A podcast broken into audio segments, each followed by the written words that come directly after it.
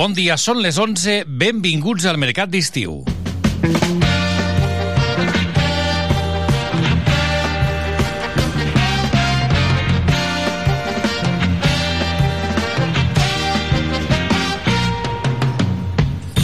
Cada dia a Tarragona Ràdio a partir de les 11, Mercat d'Estiu.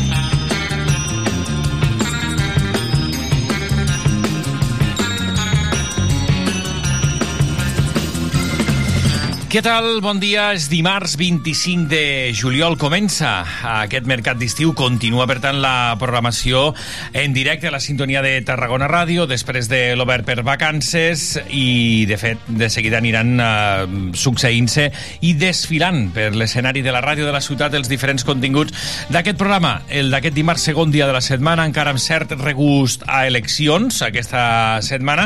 Ho dic perquè avui continuarem buscant les valoracions, les diferents veus també ens farem ressò del que ha passat, del que passava ahir al Serrallo, aquesta rissaga per molts, una paraula que o no havíem sentit mai o feia temps que no escoltàvem. Uh, de fet, de seguida ho parlem tot plegat. Amb una temperatura ara mateix a l'exterior dels nostres estudis de 27 graus, una miqueta més baixa que en dies anteriors, però déu nhi déu també la calor, que sembla que avui afluixa una mica, però no del tot, lògicament, per l'època de l'any en la que estem.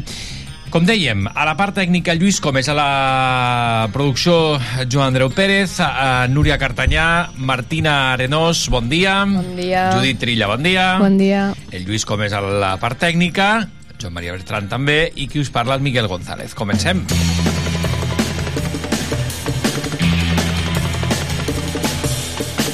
Sumari rapidíssim per explicar-vos que de seguida rebrem la nostra nutricionista de capçalera, la Lola Simón.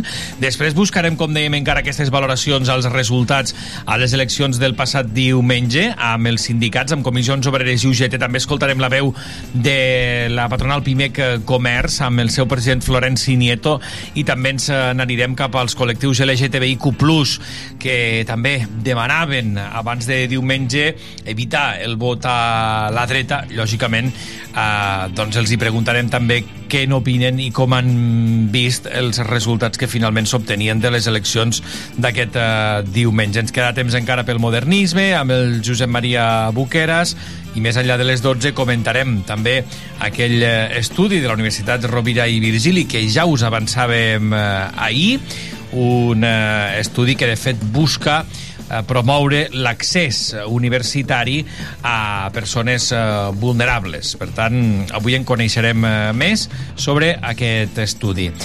Com dèiem, avui és eh, dimarts i és 25 de juliol.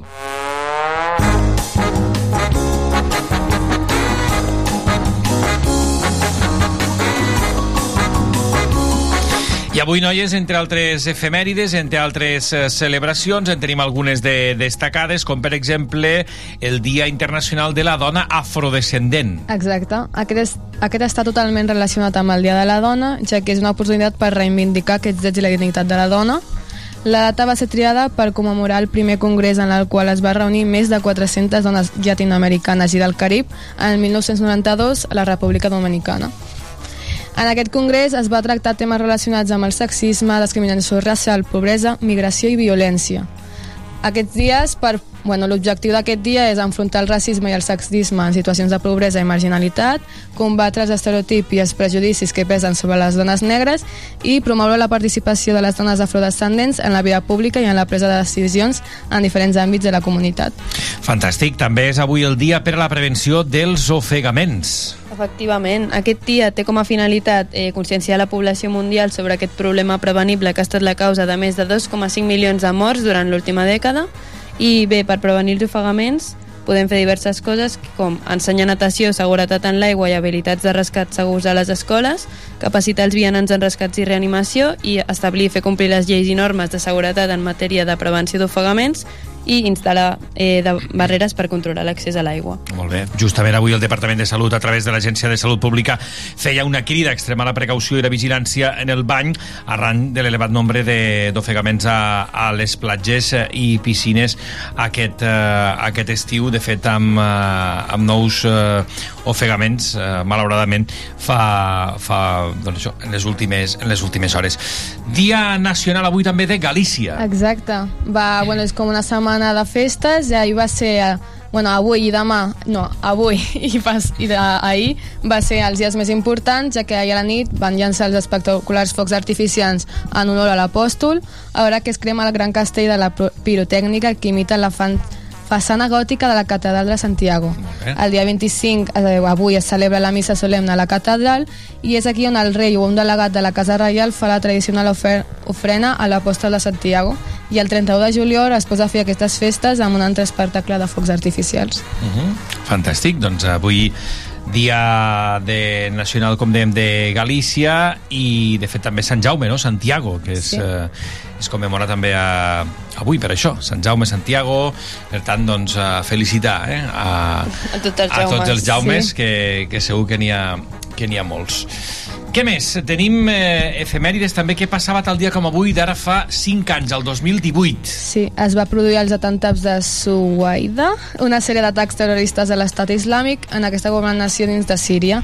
Va ser el pitjor atemptat de l'any i va deixar 315 morts, entre ells 7 terroristes suïcides i, altre, i altres 56 assassinats i més de 200 ferits.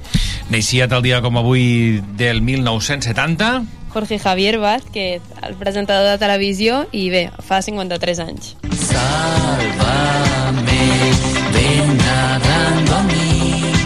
Con todos ustedes, un hombre que es como el detergente concentrado. Hunde mucho para el tamaño que tiene. Jorge Javier Vázquez. Muy buenas tardes. Twitter, el Jorge Javier Vázquez, eh? El, sí, el, de fet el recordem de Sálvame, entre altres programes, Sí. no? Exacte, Sálvame, Gran Hermano. Uh -huh. Molt bé. El, crec que feia alguna cosa del tomate, també, no? Fa anys, em ve al cap. No sé, Sí, algun, bé. persona, algun programa així. Qui, eh, què passava a nivell musical tal dia com avui del 1980?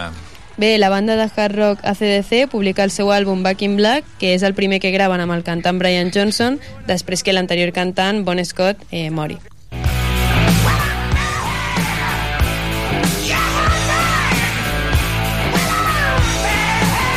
Els ACDC, eh? els ACDC. Eh, de fet, un Exacte. àlbum a nivell de vendes eh, molt, molt reixit, no? Sí, el tercer àlbum més venut de la història. I el 1975, què passava tal dia com avui? El cantant David Bowie llença el disc amb el tema Fame amb col·laboració de John Lennon.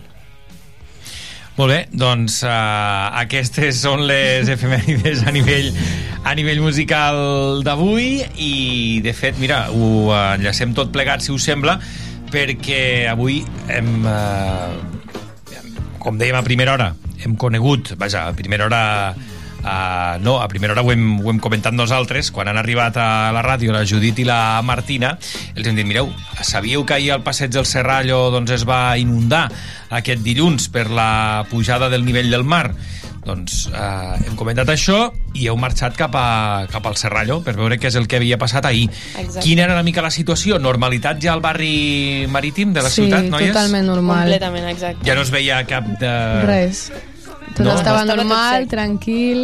No hi havia cap desperfecte... Com si no hagués hi ha- passat res, pràcticament. Exacte. Bé, doncs el fenomen, aquest fenomen que es coneix com a rissaga i que deixava doncs, aquesta, aquesta imatge, aquesta capa d'aigua sobre les rajoles, no? I fins, tot a, fins als banquets es veia, no? Heu vist Sí. la fotografia? Sí, Heu pogut sí, parlar sí. amb algú, no? Amb algun veí? Sí, amb uns... Bueno, gent gran que és Ahà. d'allí del Serrallo, veïns del Doncs a veure Serrallo. què és el que ens han explicat. Ho escoltem.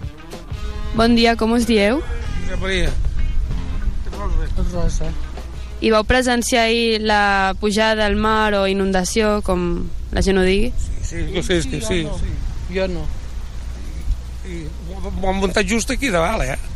No, no com les altres vegades. I aquesta pujada es va agafar estant per la zona o vosaltres estàveu a casa o en un altre lloc? I no passa res, no, no va passar d'aquí l'aigua, d'aquí damunt. I què penseu d'aquest tipus d'esdeveniments, sabent que molts són per culpa del canvi climàtic? Això sempre s'ha fet. Bé, Vols dir que això no té res a veure? Clic, clic. Sempre passa. Més o menys que l'any És passat. el temps que munta i baixa les marees. o sigui que penses que no és per culpa del canvi climàtic? Que sempre ha sigut. Vale, doncs moltes gràcies per respondre.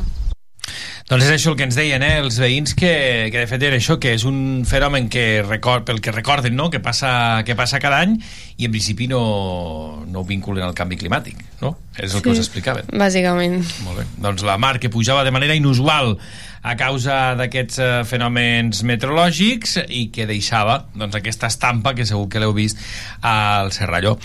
Noies, gràcies i després ens tornem a escoltar ja demà. Ara vestim el programa música i de seguida parlem de nutrició.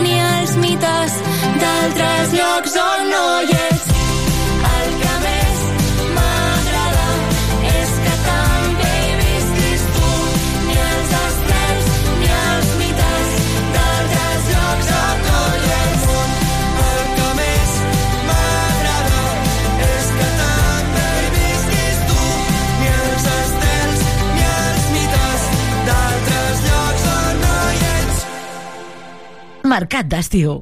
Entrevistes fresques i de quilòmetre zero a Tarragona Ràdio.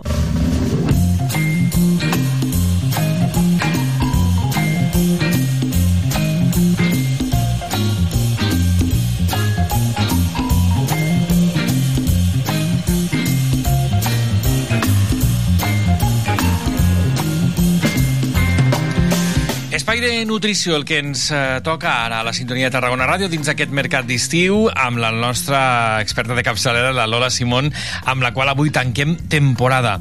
Lola Simón, molt bon dia. Bon dia a tothom. Moltíssimes gràcies. Ens has donat molts consells, moltes receptes, n'hem après molt amb tu i de tu aquesta temporada i avui eh, gairebé que en farem una mica de recull literari, no? Sí. Llibres, recursos, Sí, sí, webs, exacte, una mica per exacte. posar en valor tot allò i en solfa tot allò que hem dit Sí. i perquè bé, hi ha molta gent que aprofita l'estiu per llegir, Sí, per, sí, o per a dir, consultar, no? A vegades... Les, les vacances, tens Mm. més temps, no? I el Sí. que li agrada llegir, doncs està molt bé aprofitar per aprendre i he portat alguns reculls de llibres de cuina algun llibre de nutrició i algun recurs, com tu dius, d'alguna pàgina web molt interessant per poder també eh, bueno, aprendre sobre nutrició i sobre també cuina, no? perquè Molt és bé. important cuinar. Mhm. No cal fer grans receptes ni estar molt de temps, però sí que és important eh, aprendre algunes receptes bàsiques, anar variant les receptes, no? i bueno, us he portat un recull de llibres que, que n'hi ha molts, que evidentment me'n deixaré molts, perquè, però bueno, els llibres que jo conec, que m'agraden i... Els teus llibres una mica de capçalera, també. Eh? Bueno, Sí, de fet, sí. segur que hi ha apartats a les biblioteques i les llibreries destinats a la gastronomia, és a dir, que de llibres n'hi ha La cuina està de moda. un fotimer. Sí, sí, la sí. cuina sí, està sí, de moda, és veritat, eh? Hi ha veritat. molts cuiners i tenim aquí cuiners excel·lents, no? que Molt tenen bé. estrelles Michelin, que són dels millors del món Mhm. i que, bueno, que s'han de tenir en compte. I no només cuiners, nutricionistes, També, no? també, també, que, també, que ens també. expliquen el què i el per què de Sí, menjar, de menjar exacte, cada cosa, com fas tu exacte. cada... I també està bé els llibres que combinen aquestes dues coses, no? És a dir, la, la cuina, la gastronomia i la salut. I això és molt Hauria d'anar de la mà sempre, no? En Hauria d'anar sempre de la mà, exacte. Sí, l'alimentació la, l'alimentació conscient, Mhm. enllaçar la sostenibilitat, el que sempre parlem aquí, no, del medi ambient, que tampoc el podem deixar davant, del contrari, no? I tot això fer doncs, una unió que beneficia el cos i beneficia el planeta, que, que som tot un, un únic organisme, no? Doncs vinga, som-hi, Lola, amb què comencem? Molt bé, doncs mira, uh, una, una companya de promoció, que és la Raquel Bernacer, dietista nutricionista, té dos llibres molt interessants. Un és uh, Lunes sin carne, el títol és aquest, Lunes sin carne, i són consells i receptes per cuidar l'alimentació i el planeta, és a dir, augmentar, com sempre diem també, els aliments d'origen vegetal, reduir la proteïna animal i per adonar-nos de que una altra forma d'alimentar-nos, és a dir, amb menys carn i menys aliments d'origen animal sense deixar-los de banda, però amb menys, és possible i ens beneficia tant a la, a la salut del cos com a la, a la salut del planeta. I de la mateixa autora tenim Aprender a desayunar, no? tant que parlem de la importància d'un bon esmorzar, doncs ella recull 80 i pico receptes d'esmorzar saludables i bons per a tota la família, idees per portar a l'oficina, a classe, per disfrutar d'un bon esmorzar, no? per evitar aquell esmorzar típic de la bolleria i el cafè amb llet amb sucre o de les torrades típiques amb marmelada i mantega que bueno, per un dia no passa res però que no són aliments que a llarg plaç ens ajudin a tenir una bona salut. No? Aliments d'aquests d'hotel de, per anar a passar Sí, algun dia, mira, exacte, però exacte. després per tots els dies no, eh? Exacte, per tots els dies hi ha moltes opcions, salades, dolces i molt, i molt bones. I després hi ha un llibre petit, però que m'ha agradat moltíssim, que el títol és eh, Aprender a comer de forma consciente, dieta i meditació, aquest és el títol, no? I ens parla de la consciència eh, plena aplicada a l'alimentació, no? a l'acte de menjar. És a dir, per prendre bones decisions, allunyar, o sigui, sense restriccions ni dogmes ni normes rígides, però sí ajuda a prendre decisions per a una vida saludable, també respectant el medi ambient, hi ha consells per la compra i per planificar l'alimentació diària. Molt bé, tots aquests llibres de la Raquel... No, els Ah, dos primers disculpa, són de la Raquel val, val, val, val. Sí, sí.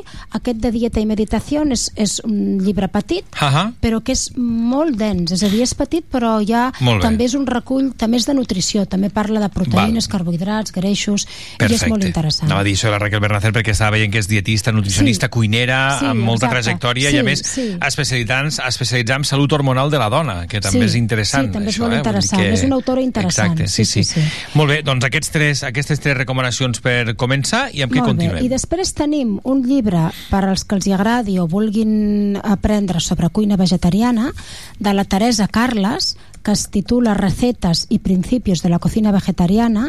És una pionera de la cuina vegetariana que porta 40 anys gestionant diversos restaurants a Catalunya i Aragó i és autora de diversos llibres de dieta vegetariana i és molt interessant també aquest llibre Recetes i principios de la cocina vegetariana De Teresa Carles, eh? Teresa Ho Carles, anem sí. apuntant. Molt Té bé. restaurants a Barcelona i restaurants eh, bueno, per tota Catalunya. Uh -huh. I després, un dels blogs de gastronomia més coneguts és el, el blog del Comidista, que és molt divertit, que té um, també un llibre editat que es diu Les recetes del comidista i aquesta, aquest blog és molt interessant perquè té menús setmanals amb les receptes, un consultori que que podem preguntar qualsevol, qualsevol qüestió que tinguem i ens la contesten els dietistes Sí. nutricionistes, recomanacions de restaurants, vídeos amb nutricionistes que analitzen diferents productes com begudes vegetals, com els millors iogurts del mercat, especialistes amb tastos d'olis d'oliva, de...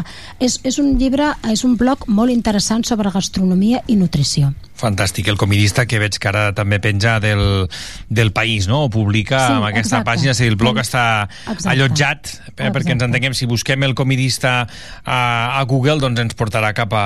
Sí, trobarem de seguida... cap a- cap al país. Sí, i és, i és molt Mira, avui- divertit. A més a més és molt divertit. Hi ha molt d'humor amb, amb tot el que fa. Avui ens proposa el cojondongo, que és la Exacte. amanida de Sí, tomàquet sí. extremenya Sí, sí, sí, sí. més suau. És que rius molt, eh? Sí, sí. Qualsevol cosa que busquis Sí. eh, és... Bueno, Estava tam- mirant ara les últimes entrades, eh? Sí, també s'agraeix perquè, bueno, perquè rius, rius, a part d'aprendre, rius. Doncs sí, ja I bé, després també. tenim una pàgina excel·lent de la Fundació Alicia, no?, que té una vocació social dedicat a la innovació tecnològica, a la cuina i a la millora dels hàbits alimentaris i a la valoració del patrimoni agroalimentari, tota aquesta unió que diem, no?, de la importància de la millora dels hàbits, la cuina, la gastronomia, el patrimoni alimentari, i és el que diem com una medicina culinària, perquè té diferents apartats, a l'apartat de Oncoalicia, que és molt interessant i que es poden imprimir moltes receptes i moltes, eh, moltes recomanacions sobre menjar durant el tractament del càncer, de diferents tipus de càncer.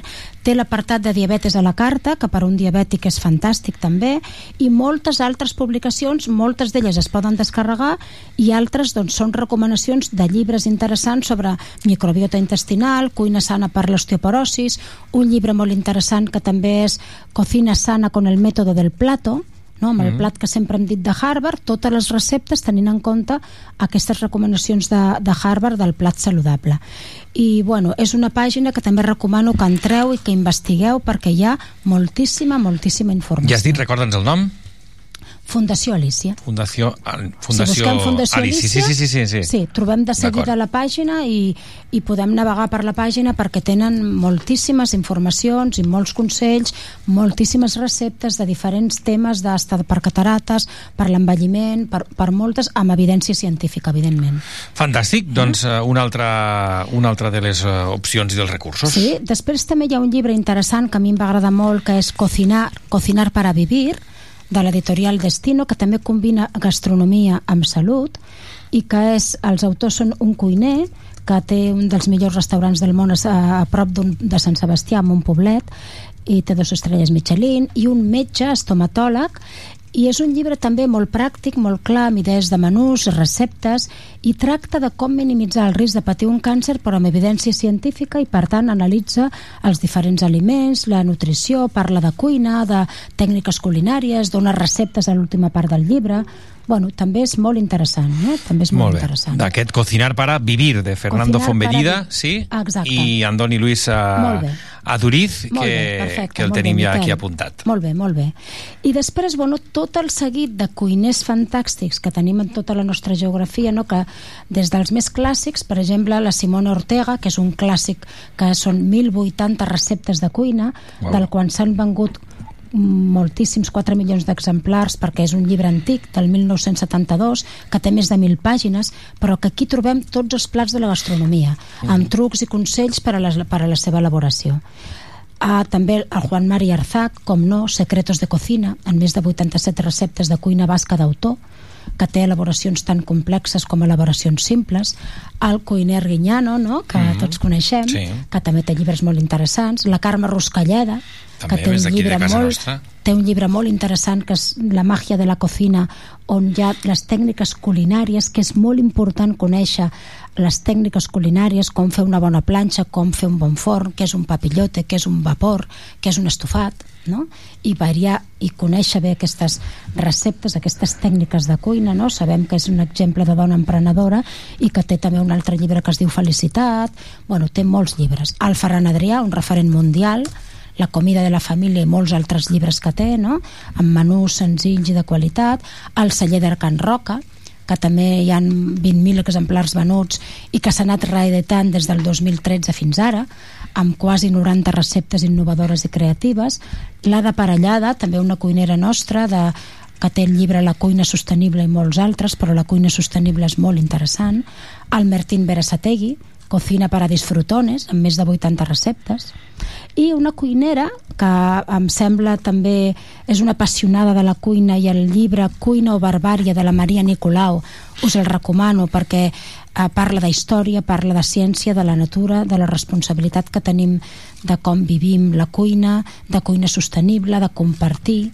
Bueno, tots aquests cuiners, grans cuiners, que, que són molt interessants. I després de, de, de receptes per fer pa, doncs tenim també el llibre Panes, de Daniel Jordà, no? que és d'editorial Larus, que és sí. també divulgatiu però que té un enorme rigor.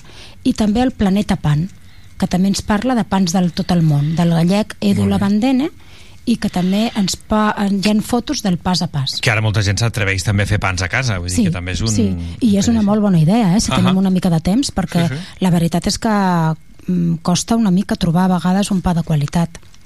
Molt bé. Doncs hola, no sé si ens queda alguna cosa més. Jo ja Pues pues gairebé t'anava seguint, però... Un de dolços. Vinga, la, va. La cocina dulce, d'Alicantí Paco Torreblanca, que és un gran reposter i un professor de reposteria, que és un llibre de més de 160 tartes i pastissos per qüestions per moments especials. La cocina dulce, també... també I me'n deixo molts, eh? Que em perdoni, Segur. però un No, no, altre no, no. dia ja n'inclourem més. Val, perquè mira. no hi ha temps per tot. El de Paco Torreblanca també l'apuntem aquí, la cocina Dulce, dulce, la cocina dulce, sí. eh, que també el, el veiem doncs això, eh, amb, Sí, amb sí. l'editorial Temes de Hoy i el podem, Sí, eh, i el podem exacte. adquirir si I volem. Per, I per moments especials perquè sabem que, bueno, que els pastissos i els dolços no són pel dia a dia, eh? però que sí que són per celebrar també la Clar, vida, no? Amb home, un- de quan en quan. de no? quan en quan, Va molt exacte, bé. una estona festiva. Lola Simón, que t'agraïm aquestes recomanacions que, sens dubte, ens ajudaran a a endolcir aquest últim cas o a anar prendre'n més durant l'estiu. Gràcies també per totes aquestes eh, mm, qüestions i tota aquesta pedagogia que ens has fet i pels consells aquesta temporada i t'esperem la propera també als micròfons de Tarragona Ràdio. Que passis un molt bon estiu. Igual, bon estiu per tothom, bones vacances, bones lectures i fins la propera temporada. Gràcies, bon dia. 3 minuts i seran dos quarts de 12. Després dels mil m'agrada que hem intercanviat i escorts de matinada que ens fem d'amagat els dos la lluna cadascú al seu terrat. Veiem-nos ja d'una en el món de veritat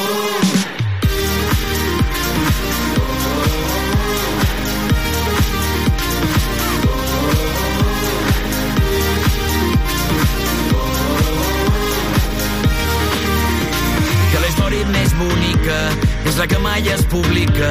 I el TikTok és més perfecte és si em balles en directe. No vull que em tornis a obrir per parlar-nos per privat. Ens toca sortir una nit descobrint junts la ciutat. Després dels mil m'agrada que hem intercanviat. I escorts de matinada que ens fem d'amagat. De veure els dos la lluna cadascú al seu terrat. Veiem-nos ja d'una en el món de veritat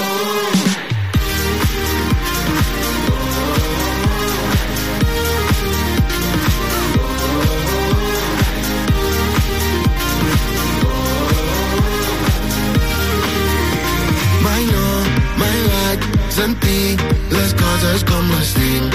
El cor, la llum, no em deixa veure el cim. Tinc la mirada posada en conquistar-te i ara tot és que res m'agrada. Si no parla de tu, de coses que sé que em posaria tonto, ensenya'm les teves cartes i juguem a fer-ho tot mal, tot mal, tot mal. Però mai jo et faré cap mal, cap mal.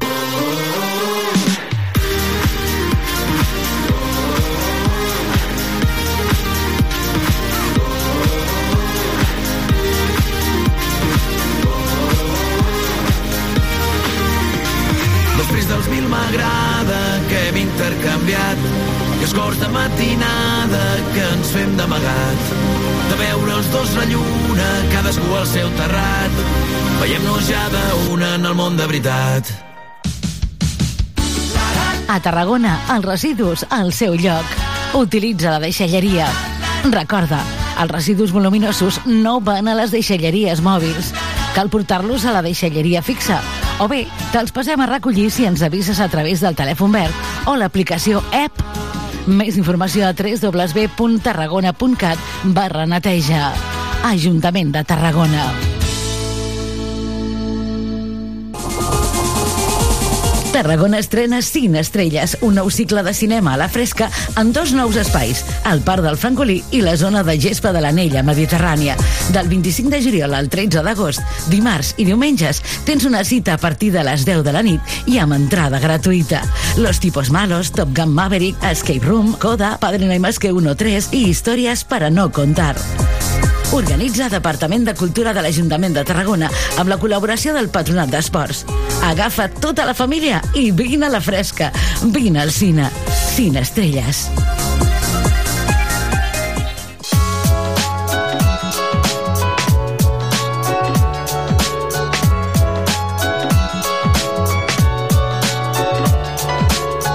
Mercat d'estiu. Entrevistes fresques i de quilòmetre zero a Tarragona Ràdio.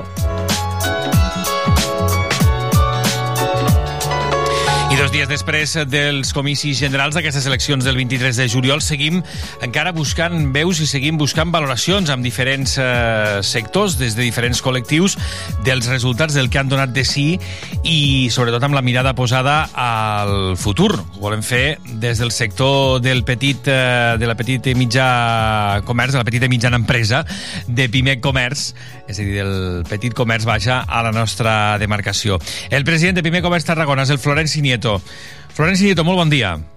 Molt bon dia, què tal, com esteu? Gràcies per atendre'ns. Florenci, Gràcies com vosaltres. valoreu vosaltres els resultats d'aquests eh, d'a- d'aquests comicis, d'aquestes eleccions del passat diumenge? No sé si se n'ha parlat prou o no durant la campanya de, del sector del, del petit comerç. Bueno, en primer lloc, eh, nosaltres dic que el poble sobirà ha parlat i que, per tant, eh, els resultats són molt respectats sempre a PIMEC, a PIMEC Comerç. Eh, en definitiva, cada vegada el poble sap més el que vol i més el que demana amb les urnes, democràticament cada quatre anys, i per tant és el que ha dit i, i ha parlat, i per tant és molt respectable. Eh, sí, nosaltres vam estar eh, reunits amb partits polítics eh, abans de les eleccions i vam fer arribar un, uh, bueno, un dossier amb moltes uh, demandes que fèiem des de el nostre, uh, des de la nostra representació del teixit empresarial del comerç i de les pimes i per tant eh, saben perfectíssimament tot el que s'ha parlat en cada un de, de tots ells no? i és el que hem demanat eh, després de, el dia després de les eleccions no? i una vegada s'hagi constituït el govern que ens porti aquests propers quatre anys. No? Um, el que sí que demanem des de Pime Comerç és responsabilitat i, atures de, i altures de mides als partits polítics per tal de que es pugui constituir un govern estable i proper als interessos de l'economia i les empreses del comerç i les pimes. No ens podem permetre, en absolut, sota cap concepte, unes segones eleccions que generarien més incertesa i, sobretot, més desafecció. Necessitem un govern que transmeti confiança a les empreses i a les eh, ciutadanes i ciutadans i que el nou govern potenciï mesures econòmiques compromeses, valentes i empresarials.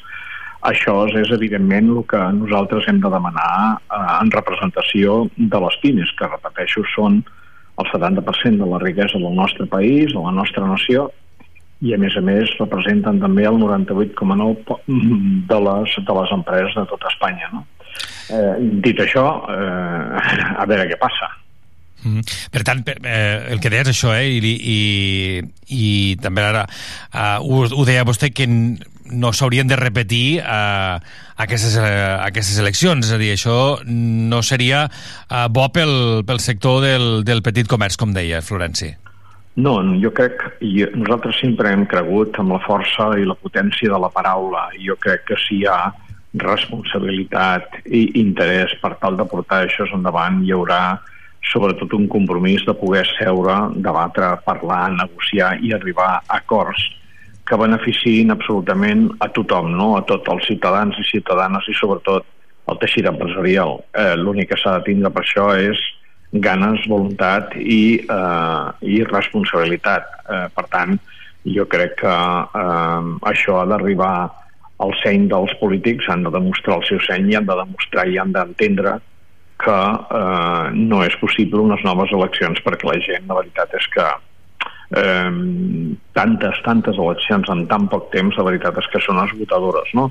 I trenquen tots els esquemes de tothom, no? Ja no parlem del que ha significat aquestes eleccions per tots els turistes, no? per tota la gent que volia marxar de vacances i que han tingut de cancel·lar, han hagut realment eh, un batibull no? dintre de totes les previsions de tota la ciutadania no? i de tots els treballadors. Per tant, jo crec que no solament des d'aquest punt de vista, sinó des d'un punt de vista constructiu, emprenedor i responsable, eh, els polítics han de, han de parlar per tal d'arribar a acords. Mm -hmm. Per tant, ara el que s'espera és això, que arribin a acords, que sorgeixin eh, pactes i, com vostè deia, eh, saben les demandes del comerç perquè els hi han traslladat, perquè les han escoltat, ara caldrà veure què és el que, què és el que passa amb, els, amb les properes setmanes. Sí, nosaltres, eh, entre les coses, si m'ho permet, no? Mm. jo, diria, jo diria dos punts importantíssims que hem demanat. No? Un és que eh, aquesta vergonyosa situació viscuda no fa pas gaire amb l'aprovació la, amb de la reforma laboral que va passar, que va haver, eh? i no fa pas gaire que encara tots tenim a la, a, a la memòria, no? que va ser fa molt poquet, no? El que no és normal que amb les xifres que nosaltres presentem no hàgim estat convidats a la taula de negociació, no? Mm. Aquesta és una cosa que no es pot poder tornar a repetir mai més amb la història. És a dir, és, realment és un greuge eh, que és imperdonable, no? Vull dir, això no pot ocórrer, no? I la segona és que no és possible que la representativitat que té les pimes i la representativitat que tenim donada la nostra força a nivell de l'economia nacional és que no estiguem al timó de comandament de la nau, no? Eh, per tant, això és eh, les dues coses, diguem, eh, és com els diez mandamientos se resumen en dos, no? Eh, pues en aquest cas jo crec que diríem que el resum més important que fem és aquell, no? Evidentment, hi ha moltíssimes coses més que hem demanat, però que aquestes eh, penso que no, torna, no poden tornar a passar i hem d'estar presents en el timó de comandament junt amb les grans, que només representen un, un 30%, menys d'un 30%, perquè encara hi ha altres eh, eh, eh, intermitges no? que afavoreixen la riquesa del nostre país. No? Però el que no pot ser és que nosaltres no estiguem eh, a, ni a les taules de negociació quan hi hagin reformes laborals ni en el, en el timó de comandament de la nau. Això és impensable.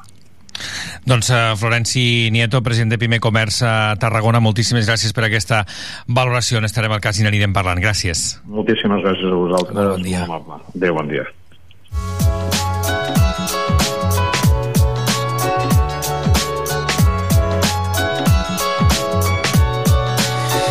A buscar ara la valoració pel que fa als eh, sindicats amb aquestes eh, eleccions eh, generals del passat diumenge. Saludem a través del telèfon al secretari general de la UGT a Tarragona, el Joan Llor. Senyor Llor, molt bon dia. Hola, molt bon dia a totes i a tots. Quina lectura en fan des del sindicat del que van dir les urnes, del que van dir els ciutadans dels resultats de la nit electoral d'aquest diumenge? Bueno, des de l'UGT nosaltres valorem eh, eh, una aposta de la ciutadania per un govern progressista, no? Eh, que és el que... I, i, i després que s'ha aparcat tota aquesta història de, de la por de l'extrema dreta, que ha sigut un element important no? quan pensem que, que s'ha paralitzat en aquest país i hem d'apostar per a tirar endavant i per anar cap a polítiques del segle XXI amb, amb reformes i amb modificacions que ens acostem més cap a Europa i no més cap al nord d'Àfrica, no? I la valoració en aquest cas és positiva, tot i que ha baixat 5 punts eh, la participació respecte a les últimes uh, eleccions que hi va haver, no? Per tant, uh, s'ha de fer una reflexió perquè la gent també no acaba de participar en, en aquell moment que el seu vot és l'únic dia que, és igual el vot d'una persona amb, amb deficiència econòmica o laboral que un milionari, no? Uh mhm. -huh. Per tant, uh, valoració positiva per aquest govern, uh, no, de l'aposta, com vostè deia, per aquest, per aquest govern uh, progressista, però caldrà veure què passa uh, de cara a, doncs això, als futurs pactes per tal que no anem a, a una repetició de les eleccions, com ho veurien?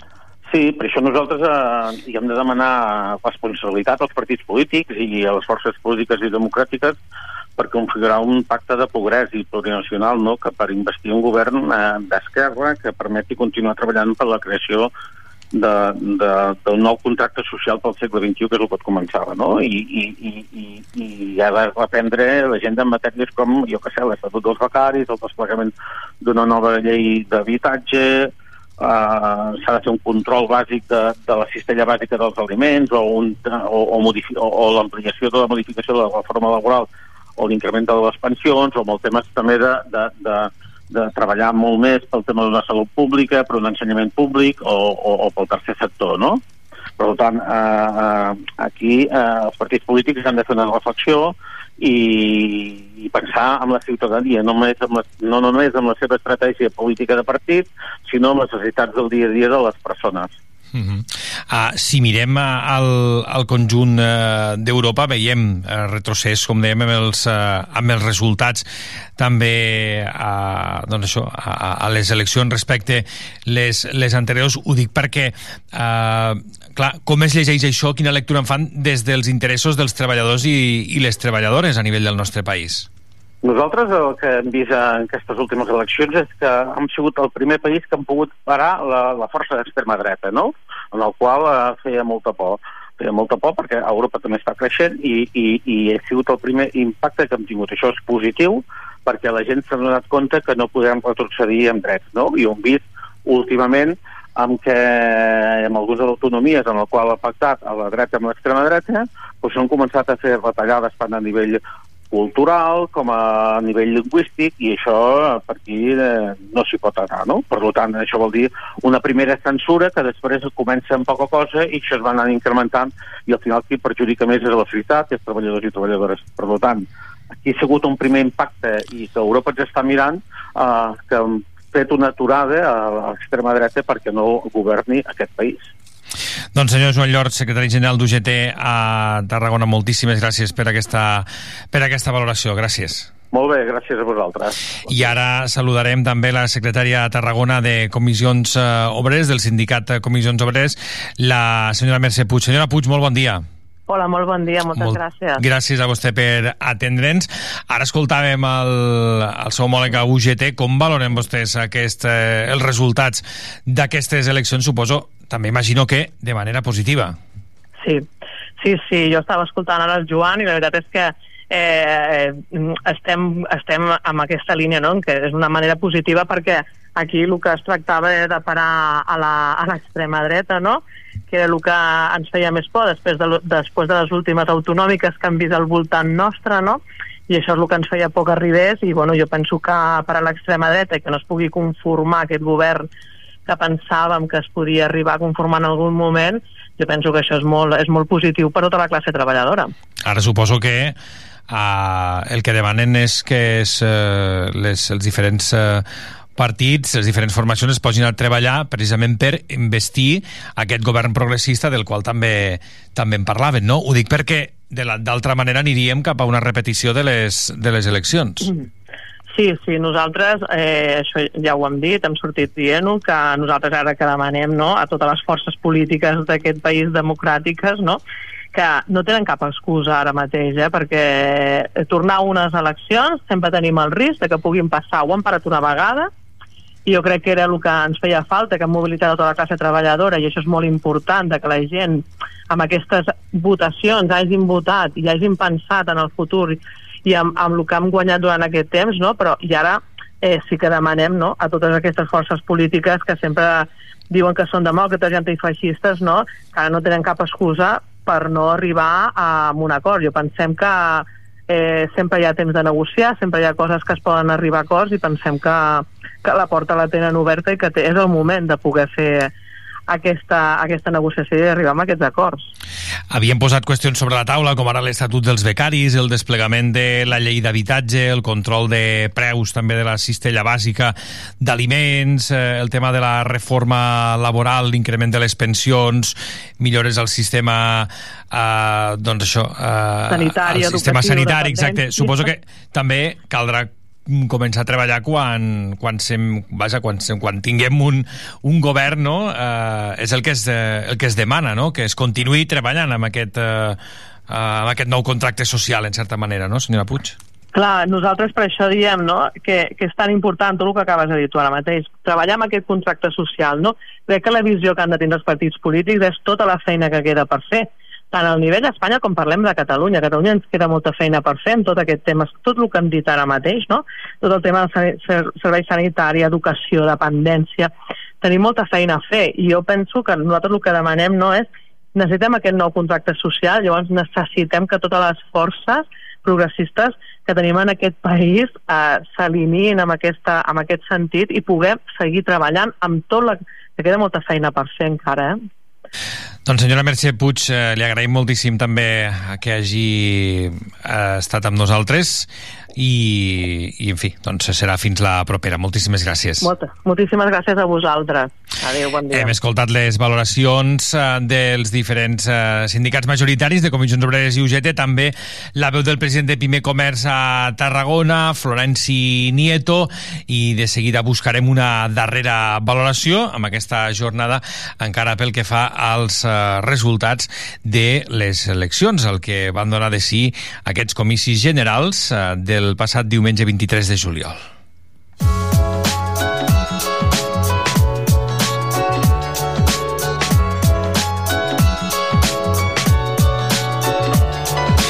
Les entitats i els col·lectius eh, LGTBIQ+, feien una crida abans de les eleccions a no votar a la dreta precisament doncs, eh, per eh, evitar que es deroguessin tot el que s'ha aconseguit en matèria, en matèria feminista, en matèria LGTBI i altres retrocessos que recollien els partits, sobretot de l'extrema dreta, amb els seus programes.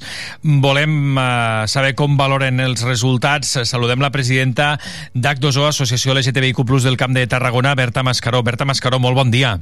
Hola, bon dia. Moltíssimes gràcies per atendre'ns. Com valoreu el que va passar diumenge a, a les urnes? Ostres, doncs diumenge va ser un dia eh, intens, ens jugàvem molt. Eh, la veritat que estàvem tot el col·lectiu amb un ai al cor i la veritat que dins del, dels pitjors escenaris ens trobem un escenari doncs, eh, una mica recuperable, no? Creiem.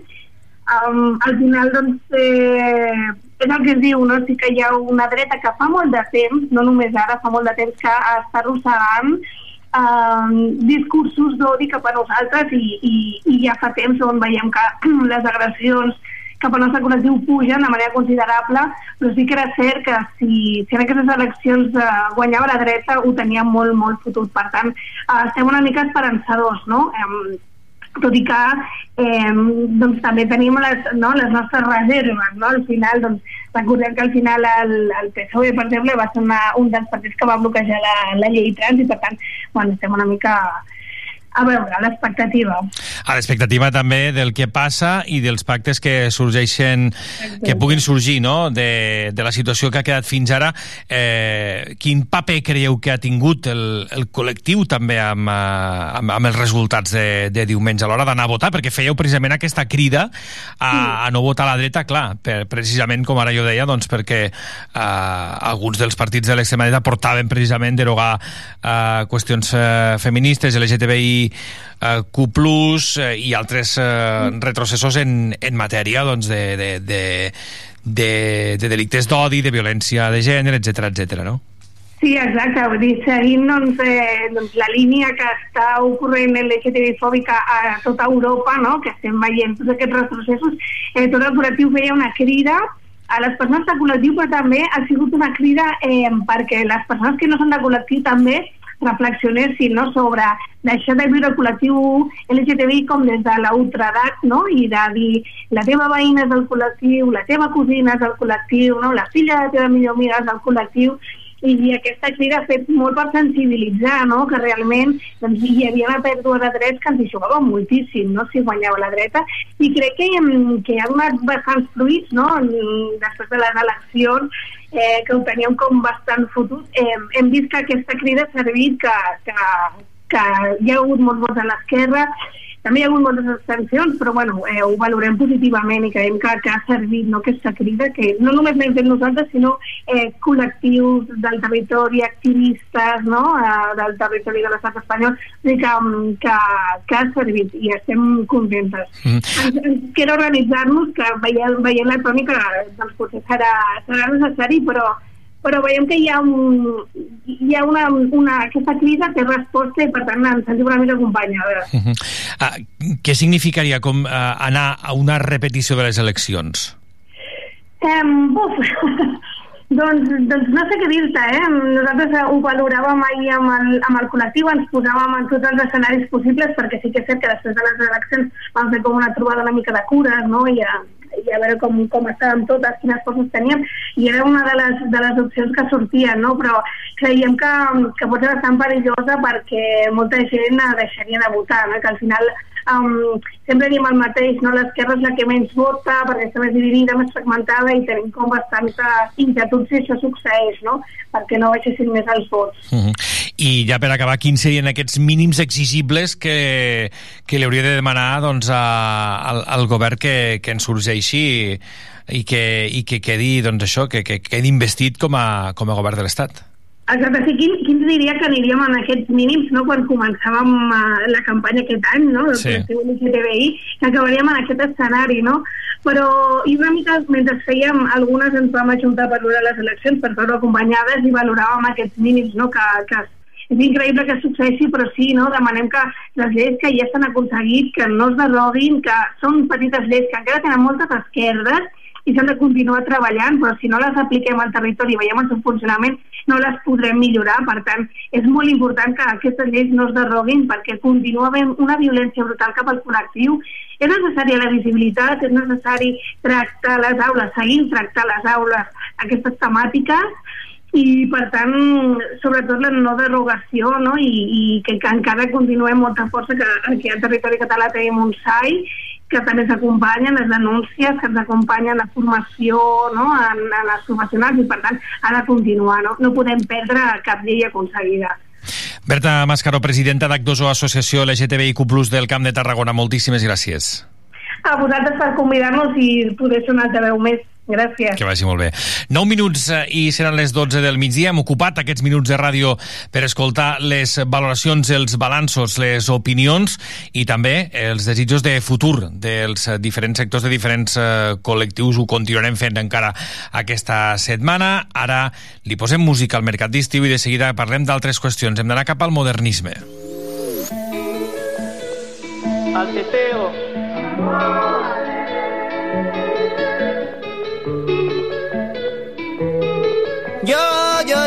Jo, jo, jo, jo, vull anar a la platja amb tu i fer l'amor després dinar amb plats bruts. Tardeo de mojito, teteo malbenito, són bones vibes tot el que faig amb tu.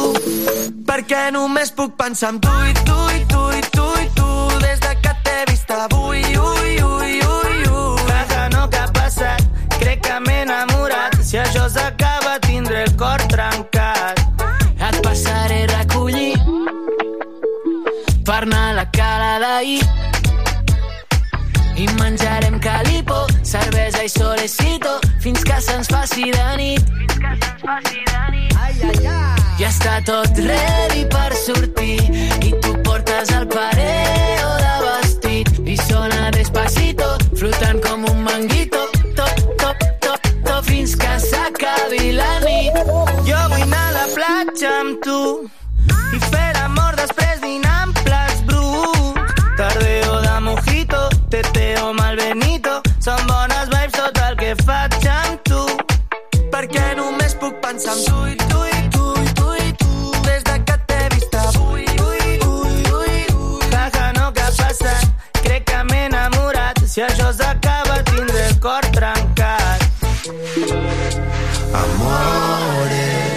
serem portada de la cuore que fa molt de temps que estic amb la Sole. I ara només puc pensar en tu i tu i tu i tu i tu. Perquè tu sei el mio amore.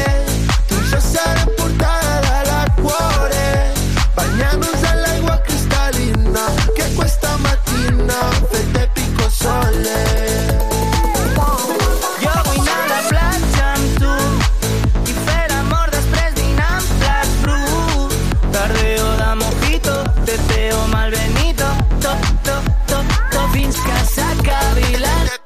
pico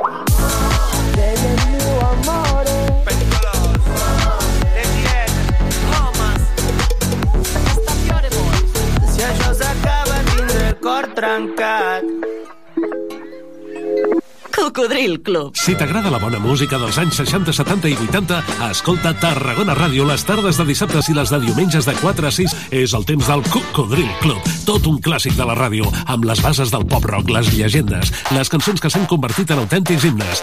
Recorda't, a Tarragona Ràdio 96.7 FM... Cocodril Club, el programa revival de l'Albert Malla. Hasta luego, cocodrilo. No pasaste de caimán. Hasta luego, cocodrilo.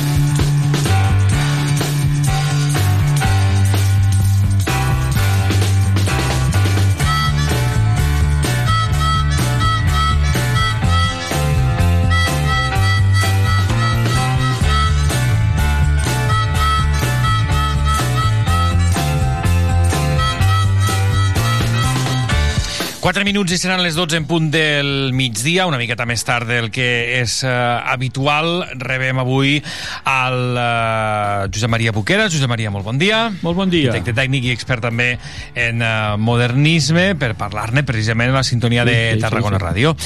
Avui, uh, Josep Maria, hem de saludar al convidat d'aquesta Sí. secció que el tenim a través del telèfon. Presenta'ns el tu mateix. Sí, mira, anem una mica enrederits. Carles, molt bon dia. Bon dia. Bueno, doncs jo et presento, veure, jo, una presentació molt ràpida i molt així telegràfica. El Carles Sainz, historiador. Canatenc, director del Centre d'Estudis Domènec i Montaner, de, que està ubicat a, a Canet de Mar. I avui, precisament, s'inaugura, i per això tenim invitat el Carles Sainz, una exposició al Centre Lectura de Reus. Però també tinc que dir, perquè estem celebrant aquest any i recordant els 100 anys de l'òbit del il·lustre i magnífic arquitecte ínclit eh, Lluís Domènech i Montaner, eh, per la gent que m'escolteu, suposo que tothom l'identifiqueu, però sobretot del Palau de la Música Catalana, del, de l'Hospital de Sant Pau de Barcelona, diguéssim, com obres més magnífiques, i després l'editorial Montaner Simón o el que sigui. A part de tot el que teniu a Canet, eh, també, ja que estem a Tarragona, doncs tenim el mausoleu del rei Jaume I que tenim a la plaça de la Font. I després, encara que estigui a la ciutat veïna, eh, també hem de recordar doncs, que hi ha la Casa Navàs del Domènec Montaner, el Pere Mata, Casa Gasull i Casa Rull, que són les obres més emblemàtiques. Eh? La Casa Navàs podria estar al Passeig de Gràcia i jo crec que s'hauria també ser eh, quasi, quasi patrimoni de la humanitat. Vale? I llavors, precisament, l'invitat d'aquest programa mensual que fem de la Tarragona Modernista, jo crec que era bastant obligat tant parlar d'aquesta exposició que s'inaugura avui i si no recordo malament, que també és molt important que els oients ho sàpiguen, estarà tot el, el que queda del mes de juliol i tot pràcticament el mes d'agost, que és una exposició itinerant. Vale? Llavors tu Bueno, vale. Miquel és el No, no. comissari que ens parli de l'exposició. Sí, ara val? anava, ara anava a saludar el, el director precisament del Centre d'Estudis eh, Domènec i, i Montaner de Canet de Mar, el senyor Carles Saiz. Carles, molt bon dia de nou. Bon dia. Eh, precisament eh, preguntar-te per aquesta exposició que, que s'inaugura aquesta mateixa tarda al Centre de Lectura de Reus, Domènec i Montaner, Catalanisme i País, la vertebració de la Catalunya moderna. Per què és important eh, aquesta mostra i, i, tot el que, i tot el que hi ha al voltant, Carles? Bé, en principi perquè és un projecte de, de cuina lenta que vam gestar durant uns quants anys. De fet, vam començar l'any 2017 amb una exposició per commemorar el 125è aniversari de les bases de Manresa i a partir d'aquella exposició vam creure que era molt concreta amb l'any 92 i l'aportació de Domènec en, aquella, en aquell esdeveniment i vam creure doncs, que valia la pena aprofundir en una vessant molt poc coneguda de, de Domènec com era la seva participació política, no? Uh -huh. Participació política al voltant de d'un moviment que era el catalanisme polític, que en podem dir que és un dels pares d'aquest moviment, no? Per tant, eh, el tema doncs, era un tema d'actualitat, era un tema al mateix temps doncs, que eh, permetia aprofundir considerablement i fer aportacions noves que, eh, bé, si un tema està poc estudiat, doncs és fàcil fer aportacions noves. No? I una mica el que vam fer durant aquests anys fins al 2023 és anar acumulant material, documents i començant doncs, a, a fer estudis o, fer articles al voltant doncs, d'aquest catalanisme polític i Domènec i Montaner. Un dels projectes que vam plantejar l'any passat era intentar eh, revertir tot aquest coneixement amb una exposició itinerant per diferents eh, ciutats de, de Catalunya, que és la, la que arriba doncs, a, a, a Reus doncs, a, a, que és a, avui. No? I és una exposició que, que eh, demostra no només l'aportació de Domènec en el camp del catalanisme, doncs, que va ser un dels, dels promotors, dels impulsors de, del catalanisme polític, sinó que a més a més doncs, demostra la llarga itinerància i la llarga militància política de Domènec, que comença l'any 1869 amb el que seria el catalanisme polític al, voltant de la renaixença, dels jocs florals, de l'excursionisme, fins al moment en què decideixen polititzar aquest moviment catalanista cultural cap al de la participació electoral i podem dir doncs, que Domènec és un dels grans ideòlegs del moviment. No? Aquesta exposició perllonga diguem-ne la seva activitat política fins pràcticament al 1915. Per tant, estem parlant de més de 40 anys d'un activisme eh, pràcticament sempre a primera fila. Eh, jo sempre dic que parlar de catalanisme polític i parlar de Domènec i Montaner és parlar del mateix, no? perquè en realitat el vas trobant sempre al capdavant de tots els principals, diguem-ne, episodis d'aquest moviment. Mm. Clar, és una mica, eh, Josep Maria, l'altra vessant o l'altra cara Sí, clar, no, de clar, Lluís clar, Domènech i Montaner, com dèiem, que potser aquí l'hem analitzat i l'hem eh, eh, no, bueno, bueno, tractat des bueno, d'altres punts de vista, no? sí, I en sí. aquest cas ara se... Vale, o sigui, donem una altra vessant eh, polièdrica de la personalitat eh, de, de l'arquitecte que això també, avui dia potser també hi alguns que són arquitectes, a veure, eh, i ara, per exemple, dels que es va morir ara recentment, bueno, recentment ja fa alguns anys, per exemple, el Carlos Buigas, que havia sigut director de l'Escola d'Arquitectura de Barcelona, i amb l'equip Martorell i el Macai, doncs té unes obres contemporànies molt interessants, doncs també va ser eh, conseller de Cultura a l'època del Maragall o el que sigui. Però vull dir, que potser fa 100 anys potser era més fàcil de figures aquestes professionals que també s'involucraven amb la política. I jo suposo, Carles, que el que va veure jo aquesta tarda de l'exposició aquesta itinerant, que ja té un recorregut de si va estar a l'Ateneu de Barcelona, si a Manresa o el que sigui, doncs la gent que vagi a veure, dir, mira, Domènec que Montaner, eh, no veuran façanes ni projectes ni coses aquestes, veuran tot el, el que hem vist amb el Congrés que vosaltres vau tindre un protagonisme, aquest que jo ja saps que també vaig participar i vaig, ter, vaig ser també ponent de la jornada aquella de Canet de Mar, les altres dues de Barcelona i, i que es va tancar Reus eh, i al Círcul, eh? doncs esclar, és també per mi ha sigut molt important que coneixies el Domènec Montaner per el que veiem als carrers a part dels llibres d'arquitectura, eh, i en canvi això ja és biografia pràcticament humanista, política, d'un- d'un- d'una persona que va tindre una rellevància total amb la Lliga Re- Regionalista, etc etc. Bueno, que, que ja de jove va entrar, ja amb 20-20 anys ja estava amb coses, no? Veurem polítiques. precisament, Carles, l'empremta política de, de l'arquitecte, clar, no? Que és el que es persegueix. Suposo que és el que es persegueix, el que has dit tu des de l'any 2017-18, de dir, mira, la gent coneix el Domènec Montaner únicament amb les obres, amb l'arquitectura, tot el que ha fet, que ha sig- ha sigut un llegat impressionant, eh? perquè hem de recordar que hi ha a Barcelona, de les obres que he dit jo abans, són patrimoni de la humanitat, eh? que, de la UNESCO, que no, no està en qualsevol, eh? Digues, digues, Carles. Ell, Digues, ell digues. és un home de, de compromís social, és, Ah, a dir, això. és una persona que, que realment vol aportar eh, la, la seva acció en benefici de la, de la societat, no? I això fa doncs, que en un moment determinat decideixi reivindicar millores per Catalunya des del seu compromís doncs, eh, amb, el, amb el poble, no?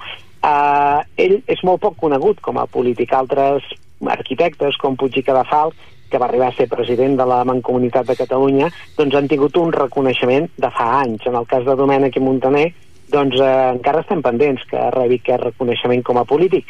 I probablement doncs, la seva excel·lència com a arquitecte va acabar eclipsant doncs, tota aquesta part tan, tan poc coneguda com és la, la política. L'arquitecte es menja el polític, però també és cert que els temps convulsos que van venir durant la dictadura de Primo de Rivera i després la llarga dictadura del general Franco, doncs van acabar, diguem-ne, eh, diguem-ne eh, neutralitzant i diluint totalment doncs, tota aquesta vessant de, de Lluís Domènech i Montaner. No? Ell no és un home de partit i això també serà sí, sí, doncs, sí, una sí. mica Sí, sí, un sí. càstig quan abandona eh, formacions per no sotmetre's a, a la disciplina de partit. No? I això farà que, ho podreu veure a l'exposició, que aquesta llarga mi- militància els conduirà a ser un dels fundadors de la Lliga Regionalista, per tant estem parlant d'un catalanisme centre conservador, que quan involuciona cap a una dretonització filomonàrquica, ell trencarà amb aquest eh, partit i acabarà creant un partit que es dirà centre nacionalista republicà, d'un centre republicanisme, que acabarà derivant cap a un, cap a una, a un republicanisme doncs, eh, totalment pur. No? I per tant, podem dir que ell participa de la fundació d'aquest catalanisme centre-dretà i també participa d'aquest catalanisme centre-esquerrà, de tal manera que avui tots els partits nacionalistes li són tributaris de la seva acció. Per, perquè ell, ara, no recordo, ell també va tindre alguna representació política com diputat o regidor a Barcelona? No. Sí, Crec que, sí, ah, sí, ser- també, ah, també va ser diputat a Madrid, Ell, no? Sí, ell va ser diputat a Madrid. Dels quatre eh, presidents, diputat allò que, di, que diem dels quatre El- presidents. Sí, sí, justament la Sí. candidatura dels quatre presidents Sí. amb el doctor Robert el, el, i, el, i el Rossinyol i ell són, podem dir, Sí. doncs, una de la, la primera candidatura de diputats catalanistes a Madrid, no? Hi ha cartes va, va, genials de Domènec Sí, sí, sí, sí. adreçades Sí, sí, a Prat de la Riba que li diuen Sí, ens sí, estan sí, mirant sí, sí, com a aus sí, sí. rares quan arriben Clar. al Congrés dels Diputats, no? Per tant, seran els primers catalanistes que aniran a picar pedra a Madrid reclamant concert au- au- autonòmic per Catalunya i fins i tot pacte fiscal, no? Això, Tota una això, sèrie sí, de, sí, sí, de vocabulari que ens és molt contemporani a nosaltres i demostra doncs, de que estem en aquella mateixa roda des de fa dècades i Sí, sí, sí, 100 sí, anys, sí, sí, sí, i que, sí, sí. en definitiva, eh, Domènec tenia molt clar que l'autonomia havia de ser allò que havia de tenir Catalunya i la reclamarà al llarg de tota la seva vida. Evidentment, no serà possible perquè ell morirà el 1923 i va caldre encara uns quants anys fins que el 31 doncs, la Generalitat Republicana doncs, no va tenir el seu estatut. No? Però ell, com un autèntic visionari, va reclamar-la al llarg de tot el temps fins que, eh, quan abandona la política, acaba dient que només les noves generacions de, de joves de catalans seran capaços doncs, de seguir reivindicant el que creu que és just per Catalunya. No? Tot això ho veurem en aquesta exposició que avui, com dèiem, s'inaugura a Reus, que serà itinerant. La intenció, Carles, és que, que vagi també amb d'altres punts, que vagi cap a Barcelona, també, imagino. Sí, no, no, de fet Barcelona ja hi ha passat, Ja hi ha passat. ha estat a l'Ateneu Barcelonès Barcelonès, sí, sí, durant dos mesos, ha Sí. estat a Manresa, ha estat a Canet de Mar, ara visita Reus, no, podia, no podien passar doncs, eh, sense portar-la a, a Reus i eh, tot seguit doncs, hi haurà altres ciutats que aniran acollint aquesta exposició aquest darrer trimestre de l'any i es planteja també des de la Generalitat de Catalunya, perquè qui produeix l'exposició Mm. és la Generalitat de Catalunya, a portar-la també altres poblacions durant l'any 2024. També hem de dir que aquí a Tarragona, coincidint per Santa Tecla, no aquesta exposició que hi ha a Reus avui, hi ha una altra també sobre el Domènec i Montaner al voltant de Santa Tecla, eh, que això ja s'anunciarà amb el seu Ah, moment. mira, doncs ja s'anunciarà i, en, i en parlarem. Doncs, uh, I, Josep... de, I després, jo, abans d'acabar... Sí, sí, ja acabo, ja acabo. A veure, Carles, jo ara vull aprofitar, perquè, és clar també eh, feu les domenequianes, que són unes publicacions que surten dos a l'any, i ara, precisament, d'aquest congrés que hem dit, que es, es va celebrar doncs, l'últim cap de setmana d'abril i, el, i el primer de maig, eh, doncs també sortiran les publicacions eh, eh, corresponents de totes les ponències que va haver una seixantena, no? si no recordo malament. Sí, sí, no, uns 45, em sembla. 45, 45 ponents eh, i amb diferents eixos temàtics eh, que va estar molt, molt, molt interessant jo vaig estar els quatre dies o el que sigui per tant, que la gent vull dir, però, però vull dir, però sobretot és això que hem dit que coneixíem començant per mi mateix, si vols, a veure, sabia quatre coses, però ara me vaig empapar més de tota la vessant aquesta, més aviat, com has dit tu, de, de, de, de contribució a la societat, amb la política del Domènec i Montaner, que, és, que era una cosa bastant desconeguda, entre cometes, no? De fet, el, allò té un caràcter polièdric i, i Polièdric, tot acaba revertint a la millora del, del, del país, no?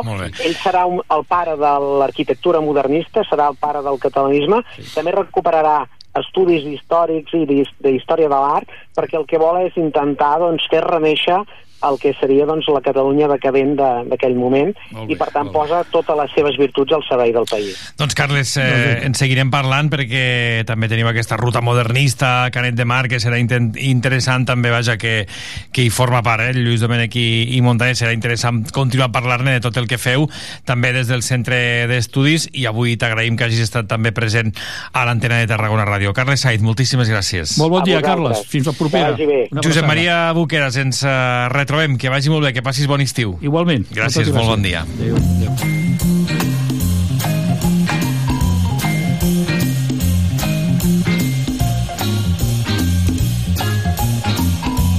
Mercat d'estiu. Tarragona Ràdio.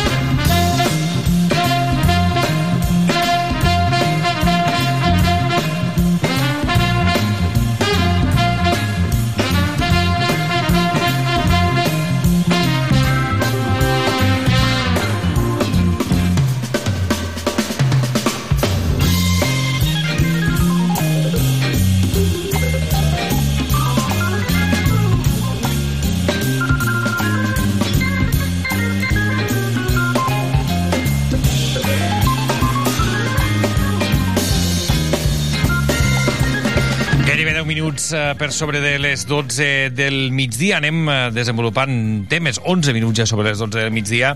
Ahir us ho explicàvem, la Universitat Rovira i Virgili, amb el suport del Servei d'Atenció a la Infància i l'Adolescència eh, de la Generalitat de Catalunya, inicia un programa per a joves eh, tutelats que promou el seu accés a la universitat i els proporciona també suport per finalitzar amb èxit els estudis eh, superiors. Ahir es presentava tot plegat i en volem saber més. Saludem a la Carme García Llestes, eh, responsable del programa amb èxit ED. Carme, bon dia. Hola, bon dia. I la Núria Valls, que és secretària d'Infància, Adolescència i Joventut de la Generalitat. Senyora Valls, molt bon dia. Molt bon dia. Moltíssimes gràcies per atendre'ns. Senyora Valls, comencem per vostè, si li sembla, si li sembla eh, perquè ens eh, parli també de la importància de programes com aquests, en aquest cas també amb el suport de la, de la Universitat Rovira i Virgili i el Servei d'Atenció precisament a la Infància i a, i a l'Adolescència. Què és el que, el que promouen, el que desitgen eh, aquests, aquests programes?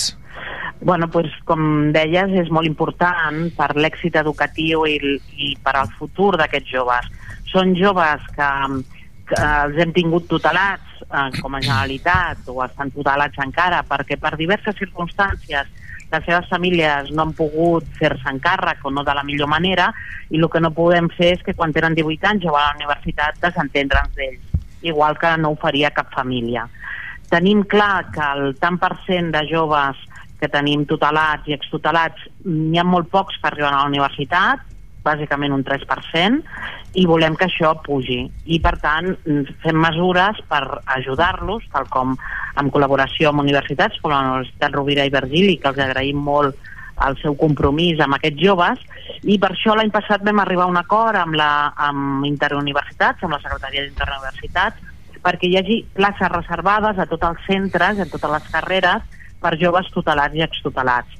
-huh. A més a més d'això, doncs, que tinguin beques per accedir i també perquè, perquè tingui, no perdin la, estem treballant també perquè més, a, més allà no perdin la beca el primer any si no ho aproven tot, sinó perquè puguin tenir aquest acompanyament durant aquest any.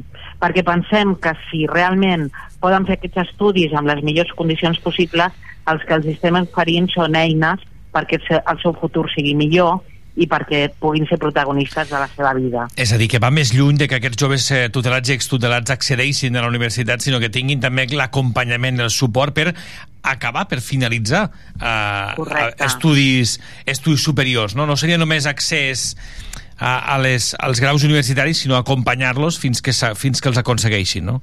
Això mateix. Això la Universitat Rovira i Virgili, després la Carme ens ho podrà explicar, sí, sí. és un molt bon exemple perquè no, no res més és aquest accés, sinó un acompanyament amb una mentoria perquè els, els pugui ajudar i també amb suport econòmic més enllà del que fem des de la Generalitat perquè aquest mm, arribar a la universitat eh, sigui fàcil i sigui un, un projecte d'èxit. Sabem que aquests nois i noies doncs, no ho tenen fàcil, no tenen moltes vegades xarxa social, no han tingut durant la seva infància les millors condicions i pensem que com a societat els hi devem com a mínim fer aquest acompanyament. La Carme García Lleste, per exemple, és una de les investigadores a partir de la recerca dels estudis de, de les quals s'ha iniciat aquest uh, projecte, investigadora del Departament de Pedagogia de la Universitat Rovira Virgili. Carme, tenim un punt de partida, uh, entenc que ja és desigual d'aquestes de, mm -hmm. persones, per tant, uh, cal, ja heu, ja heu avaluat no? i ara caldrà aplicar com aquestes educacions actuacions perdona, eh, educatives doncs aconsegueixen superar precisament aquestes, aquestes situacions que ja tenim. Aquí cal doncs això l'acompanyament no? I, i, i totes aquestes eh, actuacions que ara comentava també la, la senyora Valls, no? Mm -hmm. Bueno, ja ho ha comentat, eh, com has comentat tu, no? Mm. la, la senyora Núria Valls, no? Uh, clar, tenim un, un col·lectiu, no?, doncs, uh, que parteix d'una situació de vulnerabilitat, no? És a dir, en el moment no? que han d'estar en una situació de tutela vol dir que, que surten, diguem, d'una situació... Bueno, evidentment se'ls hi retira, doncs, perquè han de... es considera que la situació, doncs, no és l'adequada, però no, aquests nanos, doncs, bueno, són retirats al seu d'un nucli, doncs, conegut i també, doncs, bueno, aquesta situació eh, suposa un trasbals, a vegades canvi de, de domicili, a vegades de ciutat, canvis, molts canvis que a nivell personal costen de gestionar. Això a nivell eh, acadèmic té un cost, no? qualsevol situació no? de canvi té un cost a nivell acadèmic i com ha donat les dades no? doncs des, de, des de la secretaria doncs el tant per cent que accedeixen a la universitat és, és molt inferior. Igual en comparació a la població no, no tutelada, igual que per exemple els nanos que, accede, que finalitzen amb èxit l'ESO. No? Mm. Llavors, totes les recerques el que ens diuen és que per sortir del cercle de la pobresa i de l'exclusió social és necessari èxit educatiu, és a dir, que totes les eines que se'ls hi pugui donar eh, psicològiques, de suport emocional, etc estan molt bé, però el que aconseguirà no, que es puguin incorporar normalitat a la societat doncs serà aquest èxit educatiu i un d'aquests èxits educatius és poder finalitzar eh, doncs, eh, estudis universitaris no? doncs per poder tenir un millor accés al món laboral, a, una, pues, a unes xarxes socials, no? com, que com comentava doncs, la, la senyora Núria, doncs, moltes vegades són dèbils, doncs, a vegades doncs, l'accés a la universitat no només ofereix uns estudis, sinó també doncs, eh, unes xarxes doncs, socials doncs, més fortes a, eh, que perduren en el temps doncs, bueno, és oferir tot això doncs, que ens ha dit ja la recerca des de fa molt de temps doncs, que pot millorar la situació d'exclusió que viuen determinats col·lectius. Senyora Valls, aquest programa eh, que s'incorporarà, si no m'equivoco, a partir ja del, del, del curs eh, vinent, no? del curs 2023-2024, com s'anirà articulant? Quines seran les diferents fases, eh, ara, o almenys a, a, més, a més curt o mig termini? La veritat és que el vam iniciar el curs passat, Vale? Uh Mhm. -huh. És veritat que era molt de l'inici i, per tant, mm, la informació per arribar als joves tutelats i tutelats pues, mm, hem, hem de fer més difusió perquè ells ho sàpiguen I hi ha una primera fase que a la Universitat Rovira i Virgili ja ho han fet, que és de amb, amb nois que està, i noies que estan a quart d'ESO donar-los informació, les diferents, eh, donar informació els diferents centres on estan aquests joves per explicar-los que tenen aquesta opció. Més enllà, nosaltres estem treballant amb les diferents universitats inclús per poder fer com alguna jornada conjunta per, per compartir aquestes experiències i que més universitats s'hi posin i facin tot aquest acompanyament i ara estan en procés dels joves i les joves de, de, s'han tingut que preinscriure's i en el setembre els que pertoqui també que es puguin inscriure i nosaltres mm, eh, estem treballant amb les universitats perquè, eh, per certificar que aquests joves són tutelats i extutelats i per tant que puguin garantir, garantir l'accés a les places reservades, a les beques i a aquests projectes. Aquí també cal, senyora Valls, la implicació no només dels propis eh, adolescents, dels propis estudiants, sinó també de tota la comunitat eh, educativa, dels professors, eh, professionals, educadors, etc etc. no? Sí, com més sapiguem que hi ha aquesta, totes aquestes possibilitats i que els acompanyem perquè és veritat que moltes vegades pels joves eh, és com complicat, ho veuen com un esforç molt gran que no saben si seran capaços. Per tant, hi ha una tasca molt important dels educadors, de les escoles i dels centres per dir-los, escolta, tu pots, eh, tira endavant, t'ajudarem en el que caigui, farem un acompanyament, perquè és fonamental, com deia la, la doctora investigadora, la Carme Garcia, és fonamental que, que puguin tenir èxit educatiu pel seu futur. No té sentit que els, que els estem ajudant des de, el, en tota la seva infància i després que a l'hora dels 18 anys els deixem abandonats. Mhm. Per tant, la Generalitat té una àrea de suport als joves tutelats i extutelats que els hi dona assessorament amb habitatge, amb ocupació, i ja cobren una, peti, una pensió que els ajudi a fer aquesta transició, però el tema educatiu és fonamental i per això volem posar el focus en aquest tema. Uh, Carme, després, a partir de que aquestes persones ja accedeixin a la universitat, aquí hi haurà un referent, entenc, una figura de cada titulació que, que els ajudarà, que els acompanyarà, i aquí suposo que també s'ha hagut de fer una feina prèvia, una formació Mhm. també amb aquests professors no?, per explicar-los doncs, com uh, atendre aquests estudiants també amb, tenint en compte el seu context. Clar, aquí com, com ja, ja s'ha comentat, no? Clar, el, el, la reserva de places es va fer per primera vegada a totes les universitats catalanes el, el curs passat i nosaltres com a URB el que vam dir, bueno, ja que hi ha aquesta reserva de plaça anem a oferir alguna cosa més de suport, no? És a dir, la, les beques eh, doncs, són les que existeixen, no? La beca general de l'Estat, que mm, qualsevol persona en una situació de precarietat doncs, uh, pot aconseguir aquesta beca, però nosaltres com a Universitat Rovira Virgili vam dir, bueno, aquest acompanyament més proper, no? I per una banda, doncs, eh, com s'ha comentat, el que vam fer va ser al maig una xerrada a tota... Això sempre en relació amb, amb Saia, Tarragona i Andegaia, no? que són els que tenen el contacte amb els i les joves, no? doncs primer van fer una xerrada a tots els nanos no? de quart de l'ESO, els que estan a batxillerat i els que estan a cicles formatius, informant, un, que hi ha aquesta reserva de places, que hi ha possibilitat d'accedir a beques, que ja existeixen i que des de la URB s'ofereix aquest programa de suport.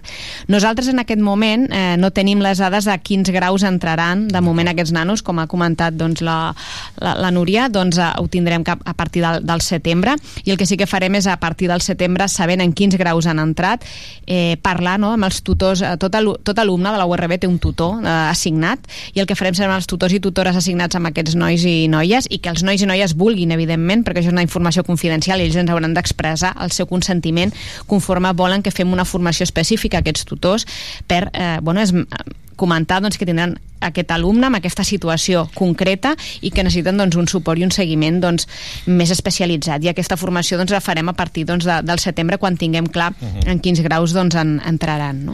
Uh, senyora Valls, podrien arribar a involucrar-se estudiants de, de darrers cursos eh, també per donar suport amb aquesta iniciativa o fins i tot per anar més enllà?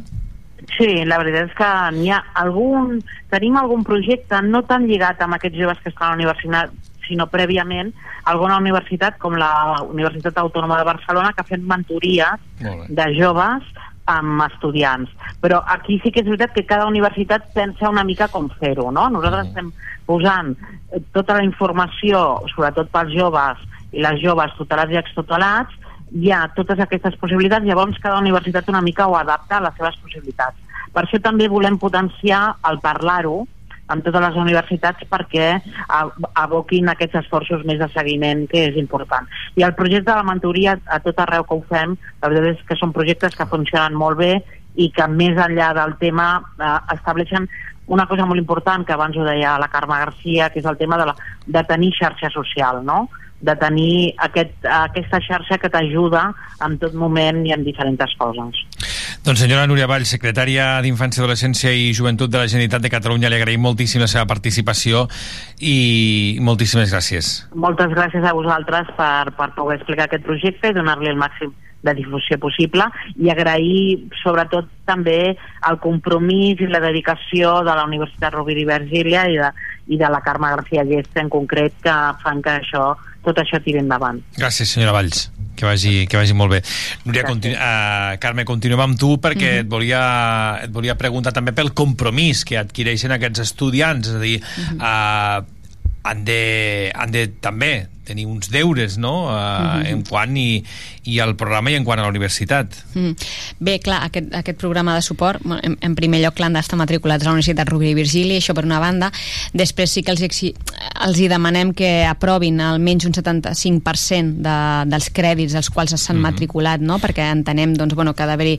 Evidentment, enten, eh, escoltarem i entendrem eh, situacions concretes perquè entenem que tot l'alumnat eh, bueno, doncs se, se l'ha de poder escoltar per si hi ha hagut algun canvi o alguna situació que hagi pogut doncs, generar això, però sí que en principi doncs, això demanem un 75% de, de crèdits aprovats no? per continuar amb el suport no? que, que es dona de la Universitat Rovira i Virgili i bueno, doncs, compromís amb el seguiment doncs, del, del projecte, de, en el moment que hi hagi reunions i trobades, doncs, bueno, que hi hagi el feedback d'aquest seguiment. No? A nivell de dades, què tenim? Quines xifres hi ha sobre la taula pel que fa a les preinscripcions universitàries? Clar, nosaltres ara mateix, clar, totes les dades depenen de, de, de Gaia, no? Sí que és veritat que arrel de la, de la reunió que vam fer nosaltres al, al maig, sí que ens consta que en aquests moments eh, doncs hi ha eh, cinc nois i noies a la Universitat Rovira i Virgili. Que ens consti, això no vol dir que només siguin cinc, uh, perquè primer uh, encara queda la convocatòria del setembre eh, i, i després perquè clar, hi ha molts nanos que també als 18 anys doncs, uh, doncs decideixen doncs, no seguir vinculats a, a determin als serveis no? que s'ofereixen i això fa doncs, que no pugui haver-hi aquesta comptabilització o nois i noies que simplement no volen no? doncs, uh, fer pública la seva situació. En tot cas, sí que, bueno, amb dades que va, que va donar doncs, la, la, la Núria Valls l'altre dia, la secretària, mm. doncs sí que va dir que l'any passat amb l'acció afirmativa aquesta, no, d'aquesta reserva de places, van entrar a tota Catalunya 8 nois i noies, uh, tutelats i tutelades, i que en aquests moments tenien recollits 36, a tota Catalunya, eh? Tota Catalunya. Sí, no està, que jo sàpiga no està segregat per, per territori, però bueno, segurament que de cara a setembre-octubre ells tindran aquestes dades les expectatives de futur són bones amb el que fa, pel que fa al programa. Doncs uh, aquesta és la idea, no? És a dir, ja només a la xerrada, no? bueno, primer aquesta xifra de 8 a 36 creiem que és superpositiva, no? Tenint en compte doncs, el que ha comentat no? la, la, la secretària no? d'Infància i Adolescència, de que només un 3% arriben a la universitat, sí que creiem doncs, que hem d'oferir, no? La, la universitat ha de ser un, un lloc d'acollida, d'inclusió, no? d'igualtat, i que necessitem arribar a tots els col·lectius que tinguin doncs, una situació de més vulnerabilitat vulnerabilitat i per tant creiem no, que, que a part d'aquesta reserva de places que es fa a totes les universitats catalanes l'oferir un, un plus més no, de que sàpiguen de, que hi ha una cara no, visible que poden uh, preguntar no? pensem que són nanos que no tenen cap altre referent adult a vegades eh, hi ha els educadors i educadores no, en el cas que continuïn en el circuit de tutela no? però que moltes vegades no tenen ningú més enllà no? I, i no saben a qui consultar no? per tant volem que aquests nois i noies com deia doncs, la, la secretària doncs, que quan que quan arriben als 18 anys no se sentin bueno, ja està, ja, ja ha fet uh, tot el que havíem de fer per vosaltres i ara us busqueu la vida, sinó doncs, que la universitat també sigui un espai doncs, d'acollida. Doncs, no? Això farà, sens dubte, que millori les seves expectatives de vida mm. i que disminueixi el risc d'exclusió social. Exacte, i això sí que tota la recerca a nivell internacional ho demostra, no? És a dir, que totes les totes persones, independentment del col·lectiu al que pertanyin, no? el poder seguir un itinerari educatiu d'èxit, no? que puguis doncs, bueno, finalitzar, evidentment, els estudis obligatoris, però però encara més enllà, els estudis superiors, no?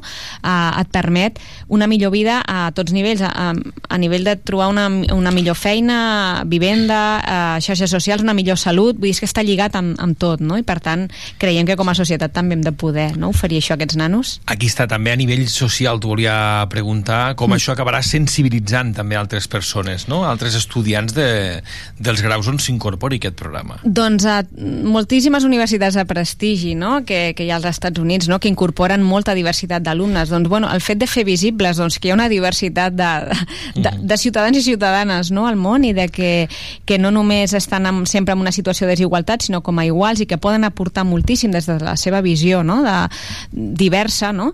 doncs creiem que això evidentment ens enriquirà com a universitat i evidentment els nostres alumnes i el nostre professorat. No? Mentre més diversitat hi hagi, més excel·lència té una universitat. Això és, és, és clar, no? Vull dir, és així. Molt bé. Doncs, eh, Carme Garcia, que t'agraïm també que avui hagis estat amb nosaltres. Crec que no ens deixem res, caldrà veure ara què diuen mm -hmm. les dades, com funciona el programa i com va evolucionant també, no?, i adaptant-se a, a les necessitats i a la realitat mm -hmm. també que us vagi arribant, no? Exacte, sí, sí, aquesta és la nostra idea. Per això ho fem com a pilot aquest primer any, Molt per anar una mica veient eh, com, com anirà, no? Tot en positiu i amb optimisme, clarament. Doncs avui hem eh, conegut aquest programa de la Universitat de Rovira i Virgili, com dèiem, amb el suport també de drets socials de la Generalitat aquest programa per a joves que promou doncs, això l'accés a la universitat de tutelats i extutelats i que els proporciona suport també per acabar amb èxit aquests eh, estudis. N'hem eh, parlat amb la Carme García Lleste, que és una de les responsables d'aquest programa. Carme, Moltes Carme gràcies. moltíssimes gràcies. Gràcies a vosaltres. Que vagi molt bon dia. Igualment. I nosaltres anem tancant aquí el mercat d'estiu. Ara us acompanyarem amb altres qüestions eh, dintre d'uns minuts. Per tant, no marxeu, continueu a la sintonia de Tarragona Ràdio. Ara li posem